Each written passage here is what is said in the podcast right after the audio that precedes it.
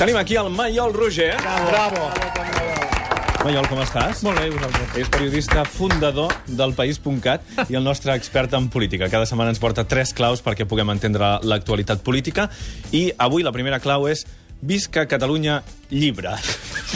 T'he dit que és una broma que, que ja havia fet en el seu dia, però m'he permès el luxe de repetir-ho. Això que ser- és que el procés ha arribat a les prestatgeries de les ja, llibreries, ja eh? fa anys eh, que, que el procés, des del 2012, les, els llibres del procés són un, un constant a les prestatgeries i aquest Sant Jordi, tot i que el procés està en aquest moment de pausa, d'impàs, o del que parlarem a la següent clau, eh, a les llibreries, i, a les llibreries perdó, hi segueix sent. Eh, vaig per, vaig per, eh, per ordre, el procés és el segon. Eh, primer vaig als llibres de polítics, que també ha sigut una gran tendència durant tots els anys, però aquest any, com que ens agafen aquest moment tonto, que les municipals són, són al maig, i després tenim eh, les autonòmiques, però no arriben fins al setembre, que hi ha com una, una segona temporada literària, la rentre que se li diu, doncs potser els llibres de polítics eh, sortiran més endavant. Eh, En tenim dos, un és d'Albert Rivera, que com que és bilingüe ha sortit en castellà i en espanyol, vull dir, és tot un gest per part d'Albert Rivera. Es En castellà i en espanyol. Ho ha fet tot ell, eh? no? Dels dos Ah, idiomes. Perquè ell és un defensor del bilingüisme. Es diu Juntos Podemos, el títol és Podemos, aquest. Es ha posat el títol del llibre. Juntos Podemos. Eh, sí, l'originalitat no és el seu fort.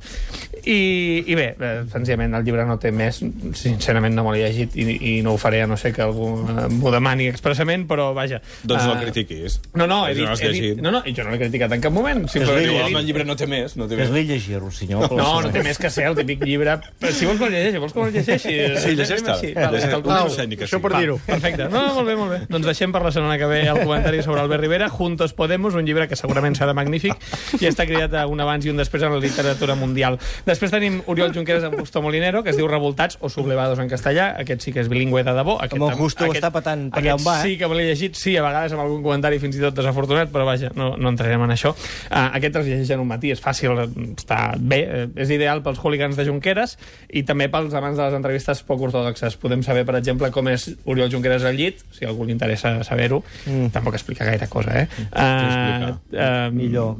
No, i diu que, que vaja, que millor no ho comenti ell, que millor que li preguntem a, a- a la seva senyora en aquest cas, i Ah, la mare està. dels seus dos fills, que va ser fill, va ser, va ser fill no, va ser pare fa poc per segona vegada. Parla, per exemple, de la seva fe, que és un aspecte interessant en un líder d'Esquerra Republicana, per exemple. Bé, parla de coses que estan bé allunyades de la política del dia a dia, per tant, si a algú li interessa, eh, allà. Anem a la I segona parla part. sobretot Junqueras. No, Justo Molinero. parlen els dos, Passen home, els dos. Home, Justo Molinero, com, com no haurà de parlar Justo Molinero? Justo Molinero, l'última vegada que va callar, devia ser, no sé, un, un instant abans de començar a parlar.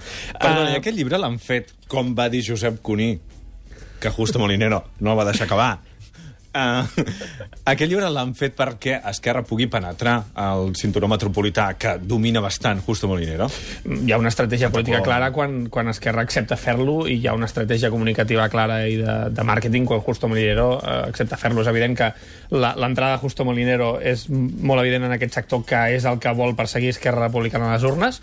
Uh, tampoc crec que, que, que una fórmula així sigui, sigui la ideal. Vull potser tenim Oriol Junqueras de col·laborador a Ràdio Teledex i li sortiria millor, però vaja, Que posi- sempre tot, tot suma, tot Que suma. el posi de dos a la llista. Exacte, sí, de dos, però se- sempre està agafat, està agafat bé, no sabem per les catalanes encara.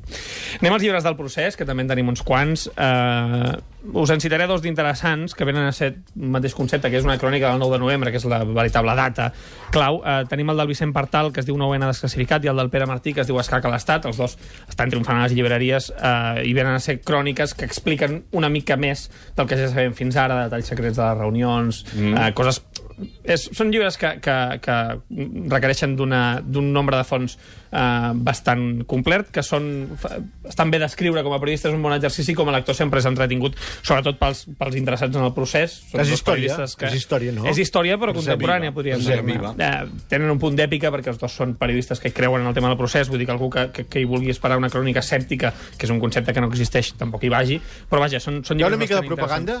Sempre, sempre hi ha una mica de propaganda i són dos, dos periodistes independentistes que no se n'amaguen i que fan bé de fer-ho. Vull dir que són llibres honestos en aquest sentit i que, i que realment estan bé per qui vulgui entendre què ha passat també en els últims mesos, perquè el 9-N, que va ser una data històrica, o almenys així ho creuen els, els independentistes, després en la política es va, es va tornar així.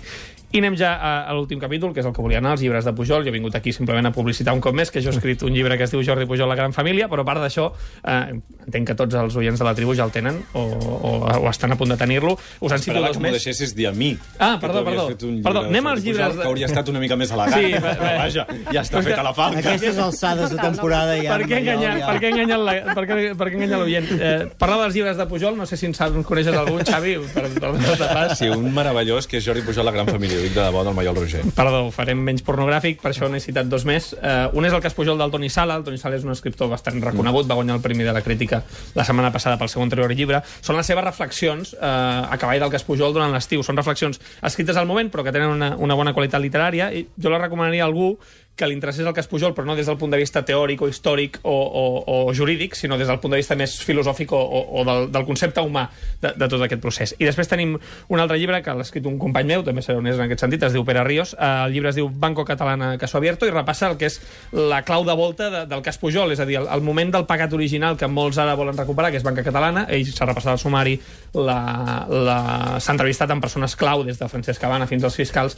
eh, i és un llibre interessant per a algú que li interessi, que li interessi especialment aquest cas. Com era allò, la jugada bruta de l'Estat, eh? Sí, exacte, el juga, el, la jugada indigna. Indigna, això. Sí, Indigna, Sí, sí, sí. I només un últim apunt per les municipals, dius, no hi ha llibres, també, eh, però vaja, eh, serveixen per les municipals, per les autonòmiques, per aquest cicle polític, es diu Escaca al poder, del periodista de l'Ara Roger Tugas, i el que fa és un passeig per totes les candidatures d'Esquerra, i el segueix pel diari i fa un, fa un repàs eh, molt ben documentat, amb entrevistes, i, i està molt bé. El recomano a la gent que li interessi tota aquesta irrupció de la nova política. Com ha anat la signatura de llibres eh, a, Vi- a Vilanova? Molt bé, molt bé. Re- Realment, el, el dia anterior vaig fer la presentació i gairebé els esgoto tots, per tant, la, la, la signatura de llibres va ser un pim-pam, perquè en un moment la, la fer, però molt bé. I a Barcelona també el signo pel dia de Sant Jordi, si algú vol venir Vols a dir veure... hores i llocs? Uh, doncs la veritat és que no me'n recordo, soc molt professional, poc professional en aquest sentit, com en molts d'altres.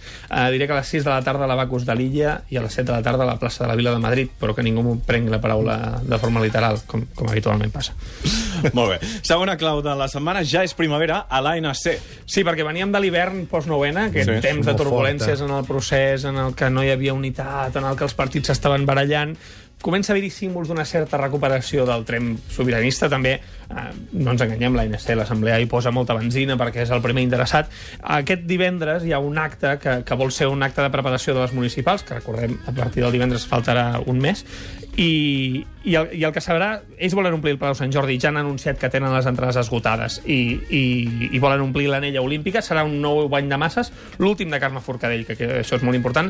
I què, ells què volen fer? Estem en unes municipals en què la gent d'esquerra-dreta o els de dalt i els de baix parlant a nivell de, de, de Barcelona i a nivell general. A les municipals recordem que cada poble vota en un sentit, però a l'hora de parlar-ne als mitjans, sobretot ens centrem en Barcelona i amb tendències generals. Passarà això. Què vol l'ANC? Marcar agenda, recordar que el procés està aquí, que per ells i pels partits del procés, especialment Esquerra, no tant Convergència, les eleccions municipals són unes primàries de les del 27 de setembre i per tant el que vol fer és dir, ei, nosaltres estem aquí, seguim sent forts i el que semblava que era un poble dividit, un, un, un, un sector sobiranista que s'estava barallant, torna a estar aquí darrere per recordar-vos que el 25 de maig, o el 24 de maig, ara, ara, ara m'he confós, eh, hi ha unes eleccions que són també molt importants pel procés. El que ja han demostrat fins ara Convergència i Esquerra és que han aconseguit presentar moltíssimes candidatures.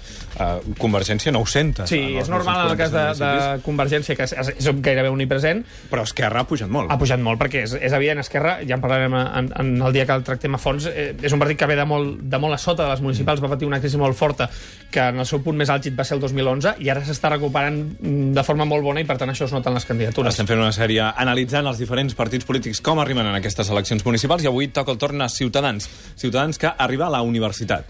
Quina forma tan bona de lligar-ho, eh? això m'ha agradat molt. Hi, hi ha un fenomen que, que passa a les universitats el primer any, sobretot la gent que, que ve de poble a la ciutat, que és que canvies de ciutat, Sí, hi ha nous sí. amics i tendeixes Sí. no oblidar-te dels, dels de sempre, però sí que a vegades doncs, eh, pesen més el, el, els nous. No? I és el que fa Ciutadans en el cas de la política catalana i la política espanyola. A part del 25 de maig, hi ha, a part de les eleccions municipals a Catalunya, són a tot Espanya, a tots els pobles d'Espanya, i a part hi ha autonòmiques. Eh, Ciutadans, que és un partit que ha seguit una trajectòria més o menys paral·lela als cabells d'Albert Rivera. En el segon dia semblava que havia de desaparèixer, però ara creix inexplicablement. Perdó. Uh, L'objectiu del, del 25M a nivell català és sobretot entrar a l'Ajuntament de Barcelona. Ells tenen sí. moltes possibilitats, uh, perquè us recomano un article que avui escriu la Lola García a La Vanguardia, que cita una enquesta interna de CiU que els hi dona 6 o, o 7 regidors. Agafen sobretot de PP i de PSOE, que estan en, en, en caiguda lliure a Barcelona Barcelona i en general a Catalunya. A Barcelona, a Catalunya també per aquest fenomen poden agafar molta força a l'àrea metropolitana, ja hi van entrar el 2011 i per tant eh, ells el que esperen fins i tot és en poder arribar a alguna alcaldia, ara mateix és molt difícil, en van tenir una en el seu dia, eh, però vaja, mm, el, el que ells els interessa sobretot és Espanya. Espanya han fet un procés de captació, ja ho vam explicar també, eh, d'independents, de partits eh, externs, se'ls ha colat algun element també perillós, l'altre dia van haver d'anomenar una gestora perquè se'ls havia colat una eh, gent d'ultradreta, eh, cosa estranya, i, i ells van a, cap, a aquesta, cap a aquesta aposta. Per què fan aquesta aposta? Sobretot més a les autonòmiques espanyoles que a les municipals, que en el fons presenten 700 candidatures, per tant, a les ciutats més grans. Perquè com, el, com deien al seu dia a les andaluses, si aconsegueixen afiançar-se com una opció amb possibilitats de ser real, més possibilitats tindran d'arribar a, les, a les eleccions espanyoles amb opcions de fer alguna cosa. Ara les enquestes, veia un altre dia del periòdico, la situen com a quarta força, però molt proper a, a PSOE, Podem i PP, estem en un escenari polític molt volàtil i, per tant, Ciutadans, si treu un, un bon registre a les, a les autonòmiques, pot treure pit per després eh, anar al que realment vol, que són les generals. Avui és el dia que es tanquen les candidatures a, a les eleccions municipals i hem tingut una notícia sorpresa. Que és que l'exconcursant de Gran Hermano Carlos Navarro, conegut popularment com El Yoyas, Sí. Serà alcaldable al municipi de Vilanova del Camí, a la Noia. Molt bé. S'ha espavilat aquest noi. Encapçalarà la llista Decide, Derecho, Ciudadanía i Democràcia Perfecte. a les eleccions municipals del 24 de maig. Com a número 2, la llista comptarà amb l'exregidora de Ciutadans a Vilanova del Camí, Immaculada González Narbona. Segons informa a Noia Diari, Decide és un partit amb un important accent espanyolista, però que treballa únicament en l'àmbit local. Recordem que Carlos Navarro es va fer conegut doncs, per participar això en la segona edició de Gran Hermano. Va durar 17 dies perquè el programa, el programa el va expulsar per les seves actituds agressives. Mm. Bueno, un noi amb caràcter. Els anirà bé. Bé, avui, Agressiu, violent, avui l'APM ha aconseguit parlar amb Caràcter Carlos Navarro, amb el Yoyas, i d'aquí una estona el podrem sentir en aquest programa, a la tribu de Catalunya Ràdio, de declaracions Som un programa exclusives obert. d'aquest alcaldable, que vés a saber si serà alcalde també a Vilanova del Camí, a la Noia. Maiol Roger, moltíssimes gràcies. Moltes gràcies. Uh, fins la setmana que ve. Deixa'm afegir que, que el talent estigui entri en política sempre és bo pel país. Sí. En aquest cas, millor. Moltes gràcies. Talent, eh? Has dit talent al Joies. Molt Sí, bé. sempre en un sentit. Gràcies. Maiol. Que vagi bé. Adéu.